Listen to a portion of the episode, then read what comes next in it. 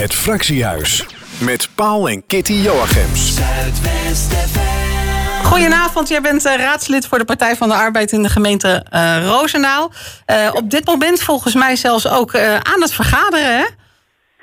Nou, ik, ik, zit, ik zit thuis, maar dat heeft een andere reden. Want wat de bedoeling was dat ik aan het vergaderen was. Oh, oh de, de plannen ja. zijn gewijzigd plannen zijn geweest. Ja, dat kan ook zomaar.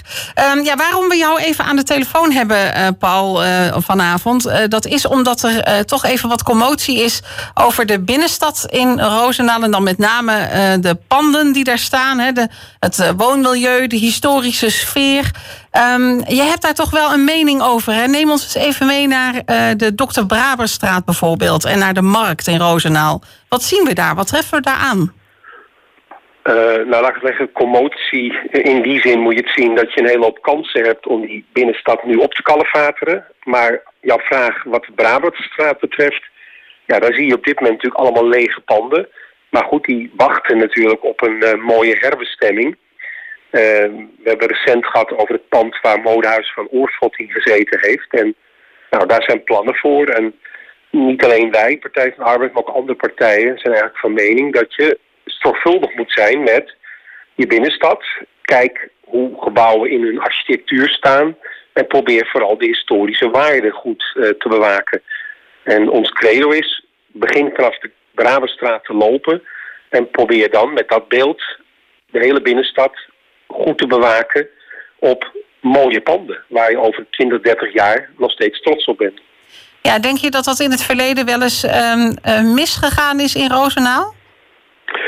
Nou ja, je ziet, en daar hoef je niet uh, moeilijk voor te kijken, want dat zie je eigenlijk vrij snel. Je ziet af en toe natuurlijk panden die op een gegeven moment neergezet zijn, uh, die niet echt in de stijl passen van de panden die er al stonden. Uh, een mooi voorbeeld is bijvoorbeeld het oude ABN AMRO Bank gebouw, hè, wat vlakbij de oude schuiven staat, mm -hmm. op de hoek. Nou, daar zijn nu plannen voor. Hè, en men probeert vooral van onderop te kijken wie zou daar willen wonen, wat zijn de woonwensen. En ik denk ook wel dat daar de behoefte is van hoe kun je dat pand een uitstraling geven. Dat past ook bij, hè, het is een bank geweest, die uitstraling kun je houden. Maar beter ook, probeer het in te passen in het historische beeld. En voorheen heeft daar een bank gestaan.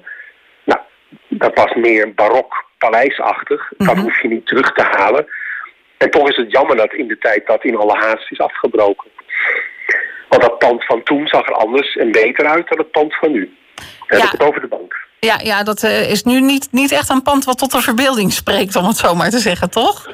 Nou ja, bij sommige mensen wel, bij mij wat minder. En nou, als je nu toch gaat herontwikkelen en hè, wellicht gaat er huisvesting komen. Nou, denk dan goed na en probeer die oude beelden, hè, die historische beelden, en die zijn er, en die verhalen eromheen, enigszins te bewaken in wat je ervoor in de plaats gaat zetten. Ja. Ik weet niet of jij zelf wel eens binnen geweest bent in dat eh, ABN AMRO-pand Ja. onlangs nog. Ehm, Ja, zeker. eh, daar staat ook gewoon nog echt de oude kluis, hè? Ja, ja, die is eruit nu, hè. Is die er nu helemaal eh, uit? Oh. Ja, maar ik ben, er, ik ben erin geweest. Ik heb die ruimte gezien, een grote ruimte. En nou ja, dat soort dingen kun je natuurlijk wel bewaken. Je kan ook zien waar vroeger de kluisjes van de klanten hebben gezeten. Nou, dat zijn natuurlijk verhalen. En ja, het zou mooi zijn met, met nieuwe plannen voor bijvoorbeeld woningbouw. Om dat te, te bewaken. En dat je het verhaal ook in de generaties kan doorvertellen. En dit geldt dan voor de bank. Maar er zijn natuurlijk veel meer panden waar je dat kan proberen te doen. Ja. Eh, eh, denk je dat, het, dat Roosendaal het gevaar loopt dat het te eh, modern opnieuw wordt opgebouwd, zeg maar? Is, is dat wel echt iets waar we voor moeten waken in Roosendaal, denk je? Nou, dat laatste zeker. Ik vind je er zeker voor moet waken. En ik ben ook blij dat jullie hier aandacht in besteden in jullie radioprogramma. Mijn credo is, probeer elkaar de verhalen door te vertellen. En probeer ook elkaar ervan te overtuigen hoe je die verhalen in nou ja, architectuur kan wegzetten. Zodat je die binnenstad ook een, een uitstraling kan geven. Het verhaal van Roosendaal. Ja, ja. En nou is er onlangs is er een, ehm, eh, een eh, appartementencomplex, zeg maar, is opgeleverd. Hè? Daar was eh, wethouder Ja. van Gestel was daarbij, hebben we gezien. Ehm, daar zat volgens mij het oude archief. Ja.